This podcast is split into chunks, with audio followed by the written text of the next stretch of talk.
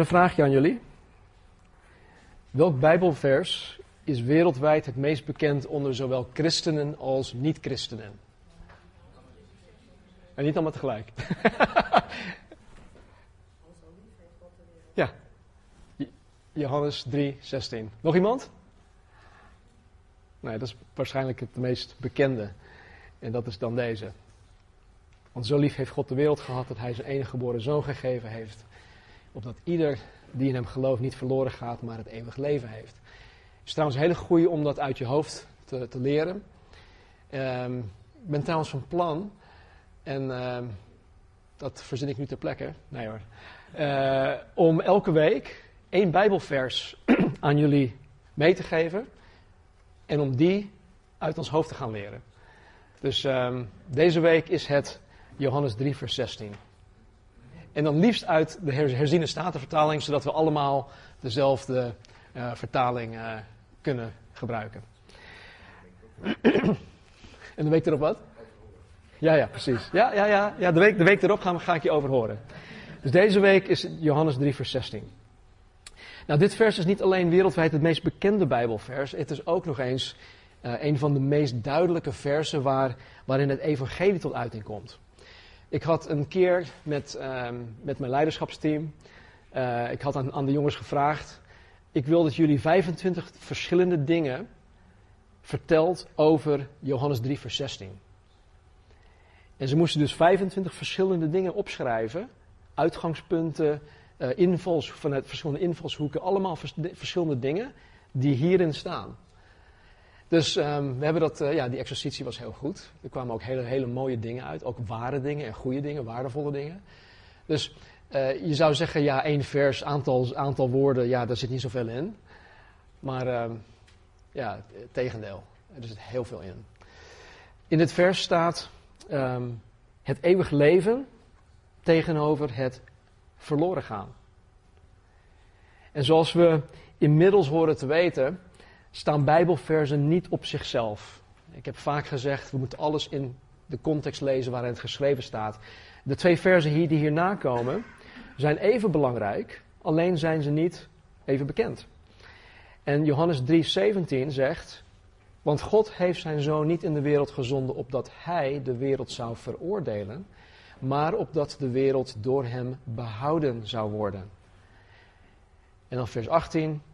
Wie in hem, dus Jezus Christus de Zoon, gelooft, wordt niet veroordeeld, maar wie niet gelooft, is al veroordeeld, omdat hij niet geloofd heeft in de naam van de enige geboren Zoon van God. Nou, in deze twee versen, 17 en 18, staat het behouden worden en het niet veroordeeld worden tegenover het door God veroordeeld worden. of, of tegenover Gods oordeel. Dus het behouden worden, het niet veroordeeld, worden, staat tegenover het door God wel veroordeeld worden, of Gods oordeel. Nou, we zijn in onze studie van het Bijbelboek Openbaring al een hele tijd bezig, voor mijn gevoel al een hele tijd, um, bezig met de periode dat de verdrukking, oftewel de grote verdrukking genoemd wordt. En dat is de zevenjarige periode dat de profeet Daniel de zeventigste week noemt. Uh, de profeet Jeremia noemt het de tijd van benauwdheid voor Jacob. De apostel Paulus noemt het de komende toorn van God. En we zijn inmiddels al een heel eind gekomen.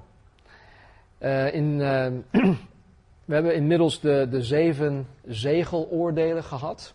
In hoofdstukken 6 en 8. We hebben de zeven bezuinoordelen behandeld. En afgelopen zondag heeft Casper heel goed de eerste vijf van de zeven schalenoordelen uh, behandeld. En vanmorgen uh, maken we openbaring 16, hoofdstuk 16 af. Waardoor wij het chronologisch gedeelte, of chronologisch gezien, wij tot het einde van de zevenjarige periode de verdrukking zijn gekomen. En dat is dan hier te zien. Hoofdstuk 16 is het laatste chronologisch gedeelte. Hoofdstuk 17 en 18 en 19 geven ons een aantal details van wat wij vanmorgen in hoofdstuk 16 gaan behandelen. Uh, dus ik ga er vanmorgen best wel snel en oppervlakkig doorheen. Want we zullen al deze details uh, in hoofdstuk 17, 18 en ook een gedeelte van hoofdstuk 19 met elkaar uh, doornemen. Nou, terugkomend op wat Jezus zei over ehm, het verloren gaan en het veroordeeld worden, ehm, wil ik voor alle duidelijkheid onderscheid maken tussen, um, is een moeilijk woord, tussen het eschatologisch oordeel van God. dus enerzijds het eschatologisch oordeel van God en het andere is het eeuwig oordeel van God. Twee verschillende dingen. De zevenjarige periode dat de verdrukking genoemd wordt, is het eschatologisch oordeel van God. Dit is wanneer God zijn toorn en zijn uh, veroordeling uitgiet over de mensen die tijdens de verdrukking Jezus Christus blijven verwerpen, die bewust Jezus Christus blijven verwerpen. Dit zijn ook de mensen die het beeld van het beest aanbidden en die het merkteken van het beest aanvaard hebben. Dit is het eschatologisch oordeel van God. En even kijken, staat hij erbij? Ja. Ik heb dit woord al vaker genoemd, maar mocht je het vergeten zijn, eschatologie is de leer van het einde van de wereld en van het laatste oordeel. En soms wordt in, ja, misschien niet in de volksmond, maar soms wordt in de kerkelijke mond, volksmond, uh, het ook wel eens uh, de eindtijdleer genoemd. Eindtijdleer genoemd. Dus eschatologie is misschien een moeilijk woord, maar het is wel een heel belangrijk woord. Dus um, knoop het in je oren, dat zegt dat goed? Ja? Eschatologie. Belangrijk woord. Als je niet weet wat het betekent, zoek het op. Maar hierover, dus het eschatologisch oordeel, spreekt de Bijbel heel veel over. Zowel in het Oude Testament als ook in het Nieuw Testament. Nu hebben we het eeuwig oordeel. Het eeuwig oordeel van God wordt ook in het Oude Testament genoemd. Het wordt ook in het Nieuw Testament genoemd. Maar ik zal alleen een paar dingetjes voorlezen vanuit het Nieuw Testament en dan ook uit Openbaring um, hoofdstuk 20. En de duivel, staan even kijken hoor, de duivel, ja, hoofdstuk 20 vers 10, ik lees het even voor. En de duivel die hen misleidde, werd in de poel van vuur en zwavel geworpen, waar ook het beest, dat is dus de antichrist en de valse profeet reeds zijn. En zij zullen dag en nacht gepijnigd worden in alle eeuwigheid. Dit is bestemd voor de Satan en de demonen. Poel van vuur, waar ze gepijnigd worden in alle eeuwigheid. Nu even verder in hetzelfde hoofdstuk hoofdstuk 20, 12 tot met 15. En Johannes zegt: Ik zag de doden, klein en groot, voor God staan. En de boeken werden geopend. En nog een ander boek werd geopend, namelijk het boek des levens. En de doden werden geoordeeld, overeenkomstig wat in de boeken geschreven stond, naar hun werken. En de zee gaf de doden die in haar waren. Ook de dood en het rijk van de dood gaven de doden die in hen waren. En zij werden geoordeeld, ieder overeenkomstig zijn werken. En nu komt het. En de dood en het rijk van de dood werden in de poel van vuur geworpen. Met andere woorden, de dood die wordt volledig vernietigd voor eeuwig. Oké? Dit is de tweede dood.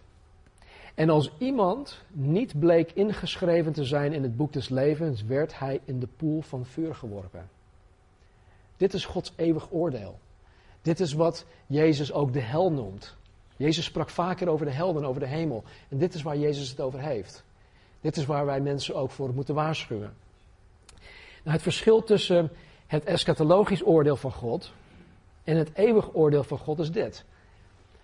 Het eschatologisch oordeel is puur bestemd voor mensen die tijdens de verdrukking weigeren om de redding van Johannes 3, vers 16 te aanvaarden. Ze willen er niks mee te maken hebben. Ze lasteren God zelfs, tot het einde aan toe. En dit zijn de mensen waar, waarvan er onder andere gezegd wordt in Openbaring 16. En zij lasterden de God van de hemel, maar zij bekeerden zich niet van hun werken. Zij bekeerden zich niet om Hem, de God van hemel en aarde, eer te geven. Dus dat is één. Het eeuwig oordeel is bestemd voor alle mensen, alle mensen die Jezus Christus bewust hebben verworpen die Jezus Christus bewust niet hebben nagevolgd, die het zaligmakend werk van Jezus Christus aan het kruis bewust niet aanvaard hebben. En dat is zowel Nu als ook in de tijd van de verdrukking. Dit geldt voor alle mensen vanuit het tijdperk van het Oude Testament. En misschien denk je van, wait, hou, even. Jezus zat toch niet in het Oude Testament? Maar goed, Jezus is ook voor die mensen gestorven. En Jezus heeft ook tot deze mensen in het dodenrijk gepredikt. Dat is een hele andere studie, maar e-, even voor, voor je beeldvorming. Dus um, dit geldt dus voor alle mensen uit, vanuit het tijdperk van het Oude Testament. Alle mensen vanuit het tijdperk van de kerk. Hè, dus de tijd waarin wij nu leven. Tussen Pinksteren en de opname van de kerk. En ook alle mensen die in de toekomst de verdrukking mee zullen maken. Dus dit geldt voor alle mensen die Jezus Christus blijven verwerpen. Dus zowel het eschatologisch als ook het eeuwig oordeel is wat Jezus bedoelde toen hij in Johannes 3 sprak over het verloren gaan. Over het veroordeeld worden. Dit is wat, je, wat Jezus voor ogen had. En daarom biedt God zijn reddingsplan aan ons aan. Opdat wij niet op deze manier veroordeeld zullen gaan worden. Nou, wat ik nu ga zeggen is nogal cryptisch. Het is, uh, het is, het is echt, echt super mooi, maar uh, althans, ik vind het heel mooi. Uh, maar het is wel, wel een beetje lastig. Ik denk dat Casper ook last lastig, het lastig zal vinden om het te vertalen. Ehm, niet, niet de woorden, maar gewoon het, het idee, het concept. Enerzijds resulteert het oordeel van God in de dood. Hè, dat hebben we net gelezen. De eeuwige dood, de tweede dood. Poel des vuurs. En dat geldt voor zowel de lichamelijke dood als ook de tweede dood waar ik het net over had, de hel. Anderzijds resulteert het oordeel van God in eeuwig leven. Het oordeel van God resulteert in eeuwig leven. Ik kom hier straks op terug. Hou die even vast. Um, laten we eerst hoofdstuk 16 afmaken. Nou, nogmaals, omdat hoofdstuk 17 en 18 ingaan op de details van hoofdstuk 16, um, ga ik er vanmorgen vrij snel en oppervlakkig doorheen. Laten we lezen, hoofdstuk 16, vers 12 tot en met 15. Openbaring 16, vers 12 tot en met 15. En de zesde engel goot zijn schaal uit over de grote rivier de Eufraat. En haar water droogde op, zodat de weg gereed gemaakt werd voor de koningen uit de richting waar de zon op gaat. En ik zag uit de bek van de draak, uit de bek van het beest en uit de mond van de valse profeet drie onreine geesten komen als kikvorsen, kikkers. Dit zijn namelijk de geesten van de demonen die tekenen doen en die uitgaan naar de koningen van de aarde en van de hele wereld, om hen te verzamelen voor de oorlog van de grote dag van de Almachtige God. Zie, ik kom als een dief. Zalig hij die waakzaam is en op zijn kleren acht geeft, zodat hij niet naakt zal rondlopen en men zijn schaamte niet zal zien. En hij verzamelde hen op de plaats die in het Hebreeuws Armageddon genoemd wordt. Tot zover. Afgelopen zondag hebben we gekeken naar de eerste vijf schalen. Uh, alle mensen die het beeld van het beest aanbaden, alle mensen die het merkteken van het beest hebben aanvaard, kregen een kwaadaardig en uh, schadelijke zweer. Nou, als je voor de gein uh, een beetje misselijk wil gaan worden, ga uh, googlen en, en, en, en, zoek bepaalde dingen op, bijvoorbeeld zweren en dat soort zaken. Het is heel vies, maar ik wilde voor mijn eigen beeldvorming zien wat zo'n ding inhield, of wat het inhoudt. En het is niet leuk. Maar deze mensen kregen dus te maken met een, een, een kwaadaardig en um, schadelijke sfeer. de zee, de rivieren, alle waterbronnen werden veranderd in bloed. Mensen werden letterlijk verzengd door de toenemende kracht en hitte van de zon. Het koninkrijk, het hoofdkwartier van de, van de antichrist, werd verduisterd, waardoor mensen op hun, hun tong gingen bijten van de pijn. Nou, ik snap niet wat, hoe de duisternis iemand pijn kan veroorzaken, maar dat staat er wel. En nu komen wij tot de laatste twee van de zeven schalen. Dit zijn trouwens ook de laatste twee van Gods 21 oordelen. De zeven zegels, de zeven bezuinen en nu de zeven schalen. In vers 12 staat, en de zesde engel goot zijn schaal uit over de grote rivier de Eufraat. En haar water droogde op, zodat de weg gereed gemaakt werd voor de koningen uit de richting waar de zon op gaat. Nou, de Eufraat is historisch gezien een van de meest vooraanstaande rivieren in, in West-Azië. Het is tevens de langste rivier in West-Azië. Het is zo'n 2800 kilometer lang. En ehm, ja, als je een beetje, als je iets weet over ehm, woestijn en rivieren, dan weet je dat alles uh, om de rivier draait in een woestijn. Mensen die, ehm, ja, die leven van de rivier. En uh, zelfs vandaag de dag wordt er energie opgewekt door uh, generatoren, door dammen die geplaatst zijn. Dus de rivier, zelfs vandaag de dag de Eufraat, is gewoon, het is onmisbaar voor meerdere landen waardoor het heen stroomt. En dus ook in Irak, waar Babylon zal zijn. In, vroeger diende het als de oostelijke grens van het Romeins Rijk. Het diende ook als de oostelijke grens van het gebied dat God in Genesis 15 aan het nageslacht van Abraham had beloofd. Als je nagaat, uh, Israël heeft misschien nog geen 10% van het land dat hun toegekend werd, genomen. God had hen veel meer beloofd. En ze hebben slechts een heel klein stukje hebben ze voor zichzelf genomen. En hier staat dus in dit vers dat de zesde engel de rivier geheel deed opdrogen, zodat de weg gereed gemaakt werd voor de koningen uit het oosten. En deze koningen uit het oosten, er wordt heel veel over gediscussieerd, uh, wie ze zijn en dat soort dingen. Maar uh, zoals wij de rest van de openbaring hebben benaderd, gaan we dit ook gewoon letterlijk benaderen. En dat zijn gewoon de koningen uit het oosten. De koningen waar, uh, waar de zon op gaat. En dit zijn waarschijnlijk, hoogstwaarschijnlijk, regeringsleiders en dan ook hun legers erbij. Van landen in het Verre Oosten, als bijvoorbeeld uh, China of Japan en Japan en, en uh, Korea en uh, Indonesië, India. Dat zijn allemaal hele grote landen in, in, in termen van de bevolking. Dat zijn momenteel ook landen die economische groei uh, ervaren op dit moment. En jullie weten dat als je een leger wil, uh, wil toerusten, wil, wil voorzien van uh, middelen en, en, en, en wapens en dat soort dingen, dan is economie, economische groei is heel erg belangrijk. En de economie groeit in het, in het Verre Oosten momenteel op een heel rap tempo. Nou, dit gigantische troepenmacht zal deel uitmaken van een nog grotere troepenmacht. En dit troepenmacht zal zich, zal zich verzamelen in, in, in, in, op een plek dat Armageddon heet. En ze komen daar om met Jezus Christus te gaan, te gaan vechten. En deze laatste wereldstrijd is, is duidelijk het werk van Satan. Het is niet de verzinsel van de mens, want niemand zou dit met, met zijn goed hoofd, uh, goed verstand uh, durven aan te, aan te pakken. En dan staat er in vers 13, en ik zag uit de bek van de draak, dat is de Satan, uit de bek van het beest, dat is antichrist, en uit de mond van de valse profeet, drie onreine geesten komen als kikvorsen. Deze onreine geesten, oftewel demonen, komen voort uit de monden. Dat is wel toepasselijk, denk ik. Want de mond is de plaats van invloed. Ik beïnvloed jullie op dit moment niet door mijn oren of door mijn ogen. Misschien wel die grote ogen van me, nee hoor. Maar door mijn mond, ik spreek nu. Dus dat is eigenlijk de plek van invloed.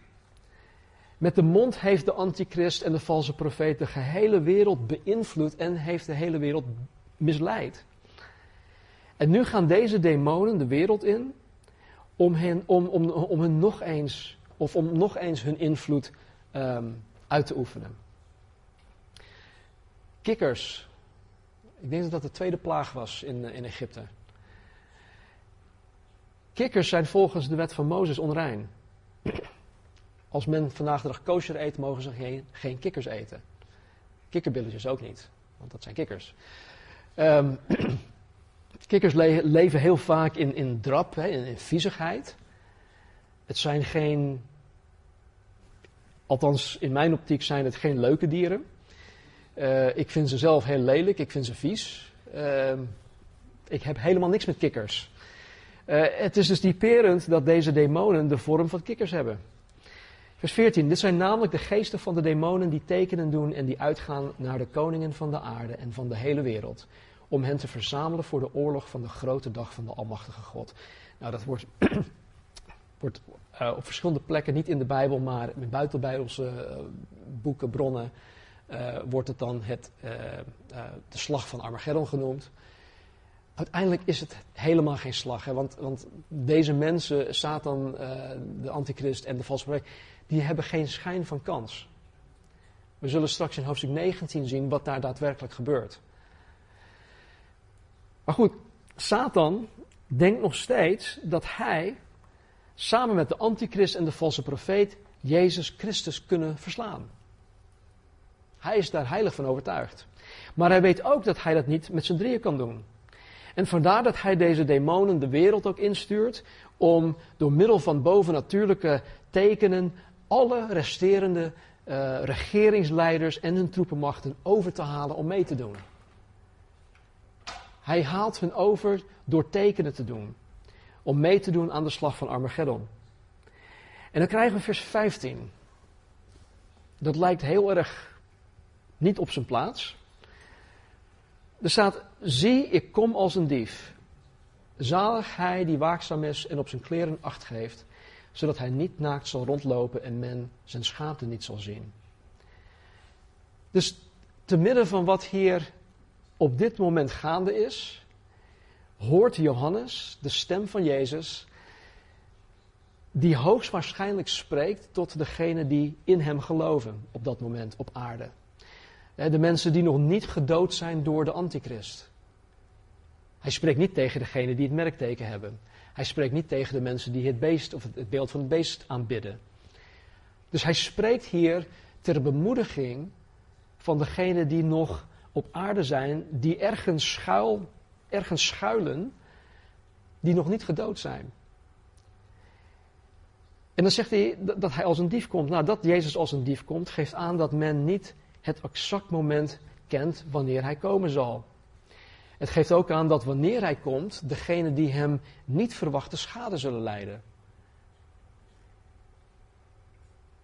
Maar tegen het restant, het overblijfsel van de gelovigen, zegt Jezus dat hij of zij die waakzaam is, hij of zij die met een rijkhalzend verlangen uh, naar de wederkomst van Jezus Christus uitzien, dat ze hem ook actief verwachten, mensen die er helemaal klaar voor zijn, die zullen zalig zijn. We hebben in Matthäus hebben de zaligsprekingen met elkaar doorgenomen. Nou, zalig betekent dolgelukkig. Dus Jezus zegt hier, degenen die um, um, waakzaam zijn, die op zijn kleren acht geeft, die zullen dolgelukkig zijn. Uh, even kijken. Nou goed, nu pakt Johannes het weer op bij het verhaal, vers 16. En dan zegt hij: En hij verzamelde hen op de plaats die in het Hebreeuws Armageddon genoemd wordt. Satan is erin geslaagd om de wereldleiders, regeringsleiders en troepenmachten over te halen. Hij heeft door middel van de demonische kikkers, de koningen van de aarde en van de hele wereld staat hier, dus niet alleen vanuit het oosten, maar van de hele wereld heeft hij overgehaald om tegen de Almachtige God te strijden. Nou, wat ik zo net al zei, uh, is dit geen strijd?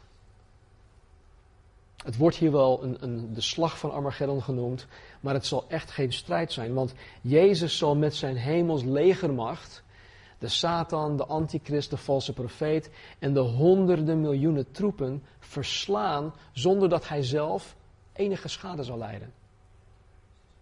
Hij is letterlijk untouchable. Ze kunnen hem niks maken. En hier zullen we meer over zien in hoofdstuk 17, 18 en een gedeelte van 19. Nu vers 17.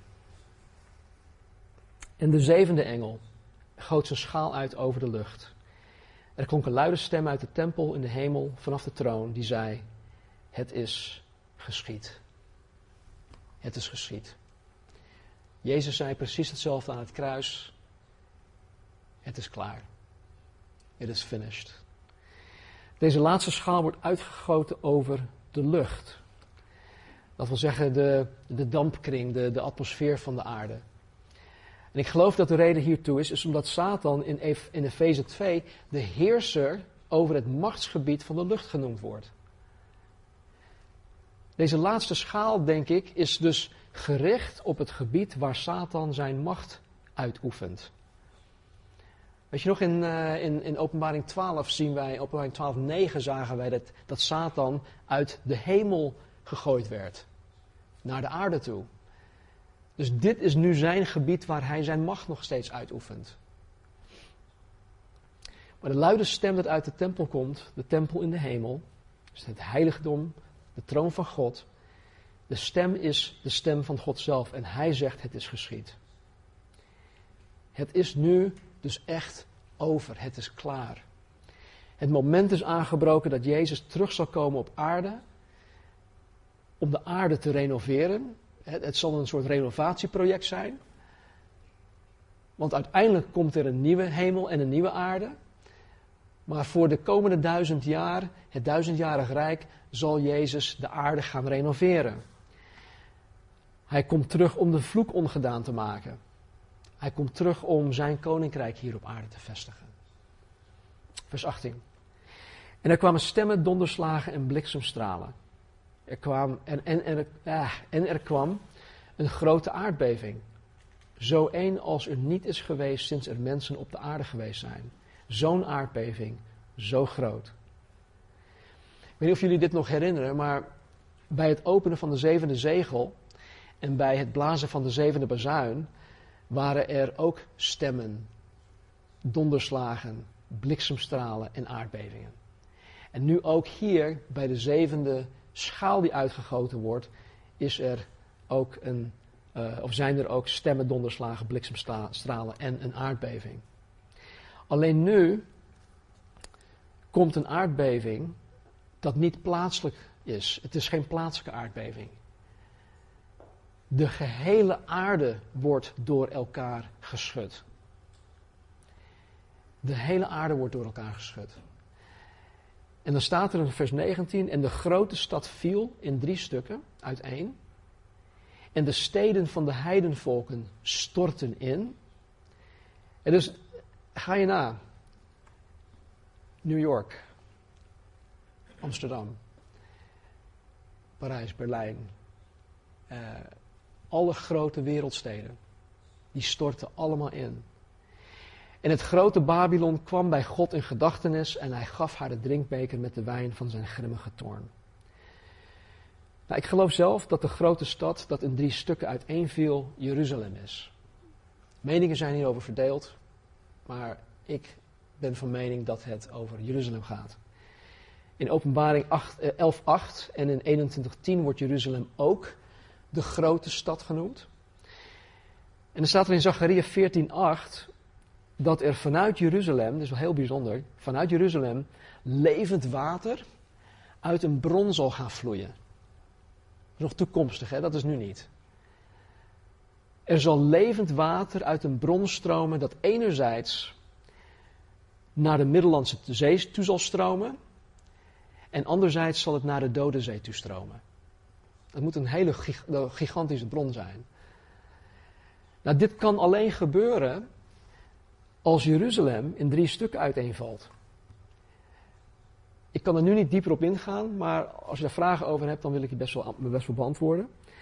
We lezen trouwens ook in Zachariah 14 dat wanneer Jezus op aarde terugkomt, dat hij met zijn voeten op de olijfberg zal staan en dat de olijfberg in tweeën gespleten zal worden. En ik zal hier in een latere studie meer over gaan zeggen. Het grote Babylon is, zoals we al eerder hebben gezegd, het hoofdkwartier van de Antichrist. En we lezen hier dat God zijn grimmige toorn over haar zal uitstorten. Het grote Babylon zal geheel vernietigd worden. Niets van het koninkrijk, het rijk van de Antichrist zal zal overblijven. Het wordt geheel verwoest. Er zal niks meer van overblijven. En er staat er in vers 20: En alle eilanden zijn op de vlucht geslagen, en bergen waren er niet meer te vinden. Dit is toch niet voor te stellen? Ik kan me daar niks bij voorstellen dat alle bergen er niet meer zullen zijn. Alle eilanden gewoon weg zijn. Misschien bedoelen ze dat met een platte aarde. Nee hoor. Nee. Door deze um, laatste globale aardbeving zullen alle eilanden verdwijnen. Dat, dat is toch bizar? Dat kunnen wij toch niet voorstellen? En alle bergen zullen met de vlakke grond gelijk gemaakt worden. In Lucas 3, 5 zegt Johannes de Doper dit. Hij zegt, elk dal zal gevuld worden en elke berg en heuvel zal geslecht worden. Hij sprak over de komst van Jezus. Door deze aardbeving zal de, de topografie, de landschap van de hele wereld veranderen.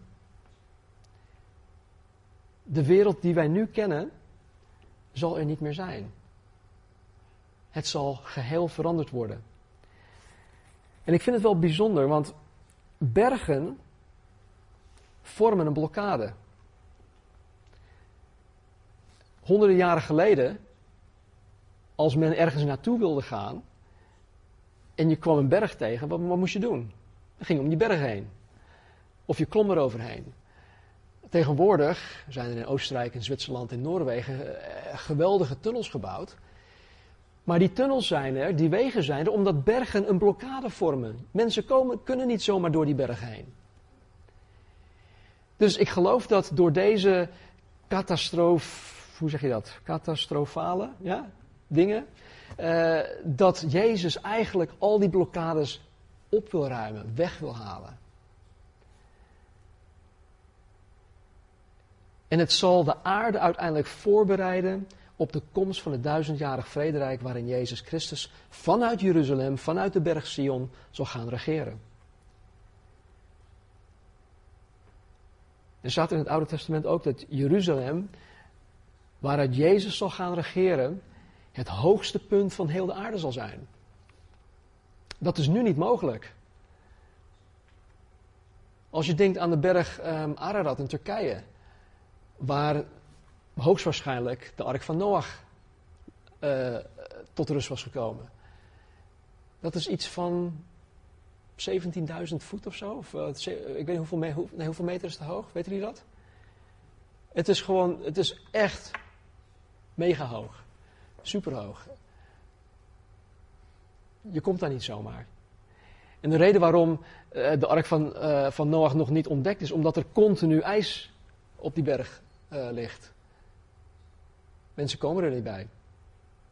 Dus Jeruzalem, dat, dat misschien op een, een, een hoogte van, ja, van wat nog geen uh, eh, 2000 meter ligt, dat zal dan het hoogste punt van heel de aarde zijn.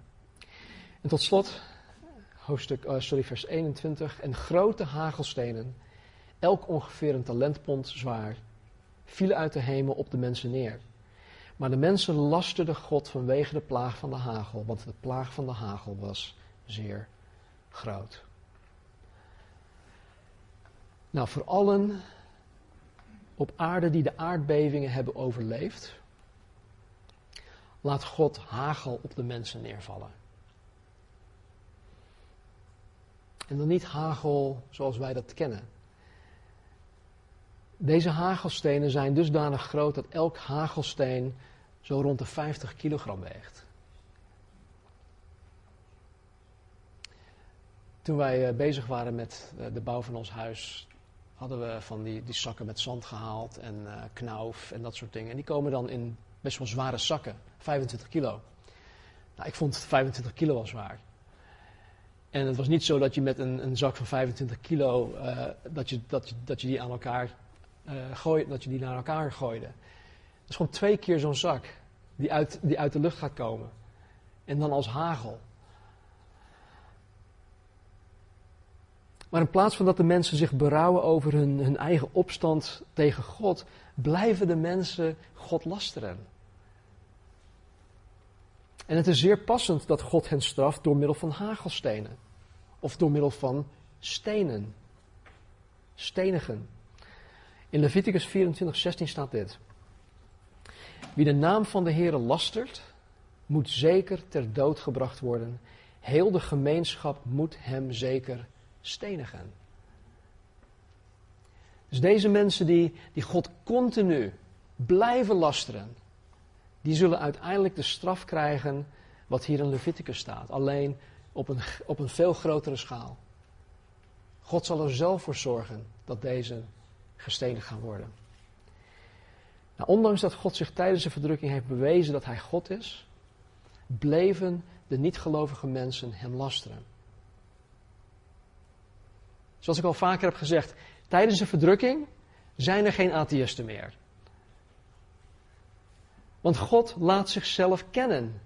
Hij maakt zichzelf kenbaar. Mensen zullen niet om God heen kunnen tijdens de verdrukking. En ook hier niet. En toch blijven ze God lasteren en de straf voor lasteren, het lasteren van God is de dood door middel van stenigen. Nu dit. We hebben het vandaag gehad over het eschatologisch oordeel van God. En we hebben het gehad over het eeuwig oordeel van God. En ieder die niet in Jezus Christus gelooft zoals de Bijbel het voorschrijft, zal te maken krijgen met Gods oordeel. Hoe dan ook. Ik zei aan het begin van de studie dat Gods oordeel tevens tot het eeuwig leven zou kunnen leiden. tot een, een leven samen met God hier op aarde, met een eeuwige kwaliteit van het leven, met alle voordelen van dien. En een leven samen met God in alle eeuwigheid, in alle heerlijkheid, in alle zaligheid. Uiteindelijk zullen we zien in hoofdstuk 22, 21, 22, dat er een nieuwe aarde, een nieuwe hemel geschapen zal worden. Dat is de zaligheid, de heerlijkheid, de eeuwigheid waar de Bijbel over spreekt. De mens heeft namelijk een keus. De mens heeft namelijk de keus om zelf voor zijn of haar zonden door God geoordeeld te worden. Dat is één keus. Maar dit leidt uiteindelijk tot de eeuwige dood. En dan maakt niet uit hoe goed je, hoe goed je het ook in dit leven gedaan hebt. Maar de mens kan ook kiezen voor het oordeel van God, dat God reeds uitgegoten heeft op zijn zoon Jezus Christus aan het kruis. Want daar stortte God zijn oordeel ook uit over zonde. Over alle zonden trouwens. Alle zonden van alle mensen ter alle tijden. En, God zegt dit in Ezekiel 33, 11. Zo waar ik leef, spreekt de Heere Heer, ik vind geen vreugde in de dood van de goddeloze, maar daarin dat de goddeloze zich bekeert van zijn weg en leeft. Bekeer u, bekeer u van uw slechte wegen, want waarom zou u sterven? Waarom zou iemand kiezen om zelf geoordeeld te worden door God? Terwijl het helemaal niet hoeft. Waarom? Waarom zou u sterven, vraagt God. God wil de kroon van zijn schepping, de mens, niet veroordelen. Dat wil hij niet. 2 Petrus 3 zegt dat God absoluut niet wil dat enigen verloren gaan, maar dat allen tot bekering komen. Dat is het hart van God. God wil dat allen tot bekering komen.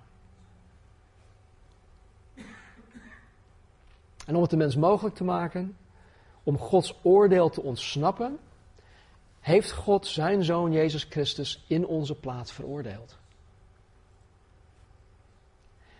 Dus alles wat wij tot nu toe hebben gelezen, de 21 oordelen van God.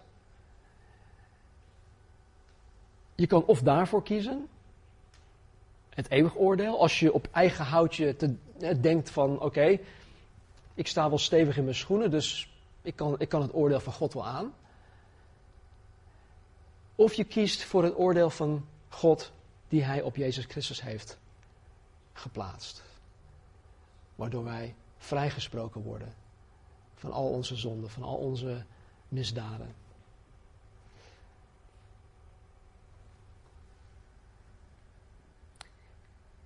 Het oordeel dat ik uiteindelijk verdien, omdat ik een zondaar ben, heeft Jezus voor mij gedragen. En dan maakt het niet uit of je een goed mens bent. Want ieder mens is van nature, van aard, een zondaar. Dat leert de Bijbel ons. Dus of je nu een, een, een goede zondaar bent of een slechte zondaar. Je bent en blijft volgens de Bijbel een zondaar die verlossing nodig heeft. En die verlossing is alleen te vinden in het offer dat Jezus bracht aan het kruis. Aan het kruis goot God zijn oordeel uit over Jezus Christus. En vandaar dat Jezus ook zei tegen God de Vader: Vader, Vader, waarom heeft u mij verlaten?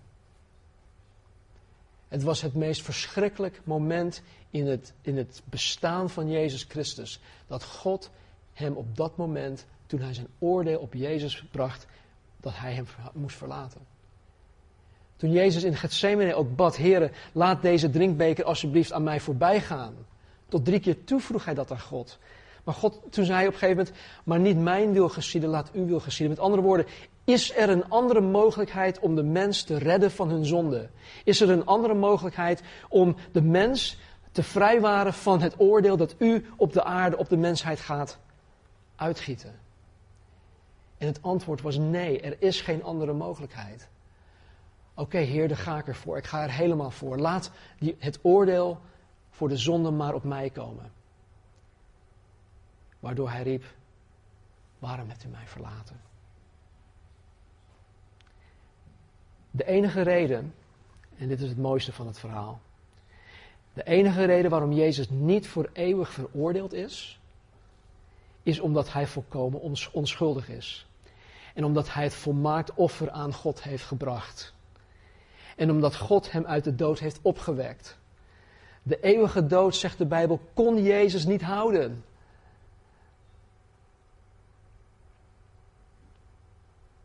Het is dus aan ieder mens de keus om of zichzelf door God te laten oordelen, of om te vertrouwen op het oordeel dat God reeds uitgegoten heeft op zijn zoon, Jezus Christus. Want zo lief heeft God de wereld gehad dat hij, zijn enige zoon, enige geboren zoon gegeven heeft. Opdat ieder die in hem gelooft niet verloren gaat, maar het eeuwig leven heeft. Het aanbod gaat uit naar een ieder. Toen Jozua het volk opriep om, om de God van de Bijbel te dienen, zei hij dit. Kies voor u heden wie u zult dienen. En dan zegt hij, wat mij in mijn huis betreft, wij zullen de Heeren dienen. Het is een keus. En de keuze is aan de mens. En dit, is, dit geldt voor ons, maar het geldt ook voor allen waarmee wij in aanraking komen, waarmee wij het voorrecht hebben om het evangelie te, met mensen te delen. Dus ik hoop dat, dat, dat dit, dat jullie, dat jullie dit echt in je, ja, in je meenemen, om ook anderen hiermee te dienen.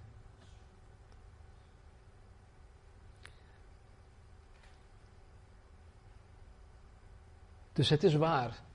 Het oordeel van God is bij machten om ook het eeuwig leven te geven. Alleen is het het oordeel dat op Christus uitgegoten werd en niet op ons. Laten we bidden. Hemelse Vader, dank u wel dat u zo ver bent gegaan om, om het mij, om het ons mogelijk te maken. Om uw oordeel. Het zij het eschatologisch oordeel, het zij de eeuwige oordeel het eeuwige oordeel. Heer, om, om uw oordeel te ontsnappen. Dank u wel dat u zo ver gegaan bent, Jezus, om, om bereidwillig te zijn. Om in mijn plaats de toorn en het oordeel van God de Vader op u te nemen. Dank u wel, Jezus, dat u dat u mij, dat u ons in gedachten had. Wanneer u naar het kruis toe ging. Wanneer u gemarteld werd. Wanneer uw bloed voor ons vloeide. Wanneer u het volmaakte offer aan God de Vader gaf. Voor vergeving van zonden. Waardoor wij, heren, wij die voor u kiezen, Heer, verzoend met God de Vader zullen zijn, of zijn geworden. Dank u wel voor die mogelijkheid.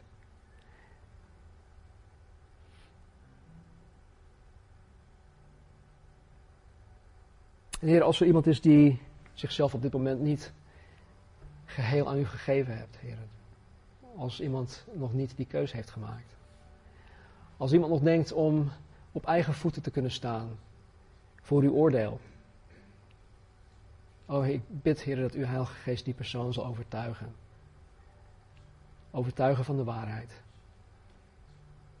Heer, het zij hier in deze zaal, het zij via het internet.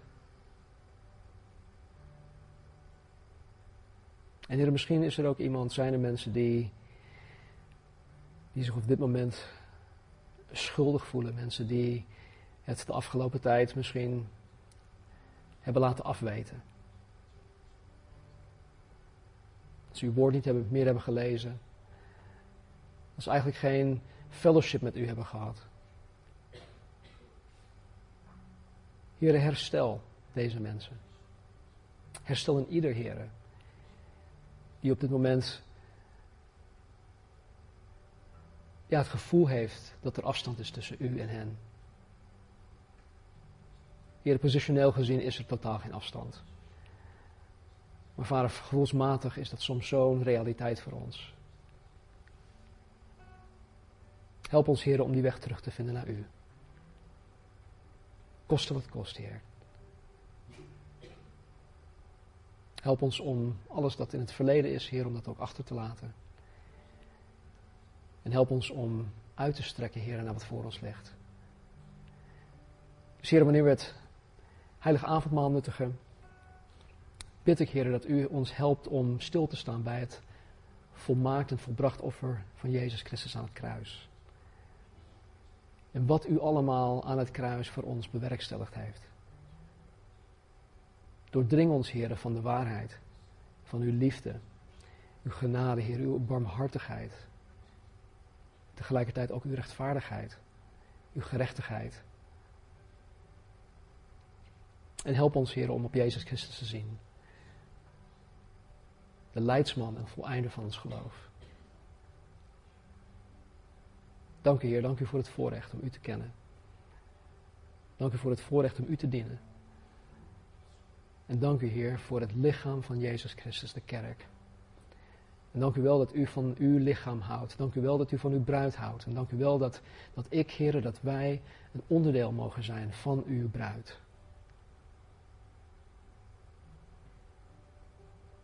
Heer, we zien uit naar het moment dat u ons in de lucht zal ontmoeten. Dat u ons zal wegrukken, Heer, van deze aarde. We zien uit, Heer, naar uw wederkomst. We zien uit naar het moment dat u hier op aarde in alle gerechtigheid zal gaan regeren. Heer, zodat we niet meer te maken hebben met politici die hun beloftes niet nakomen. Met bazen die hun beloftes niet nakomen. Eigen belang. Nog zoveel meer onrecht.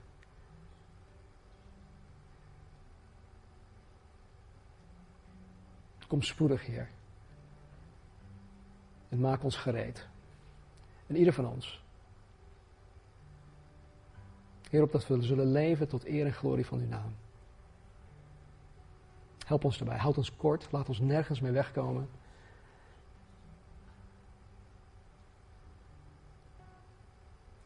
Vraag van Jezus' naam. Amen.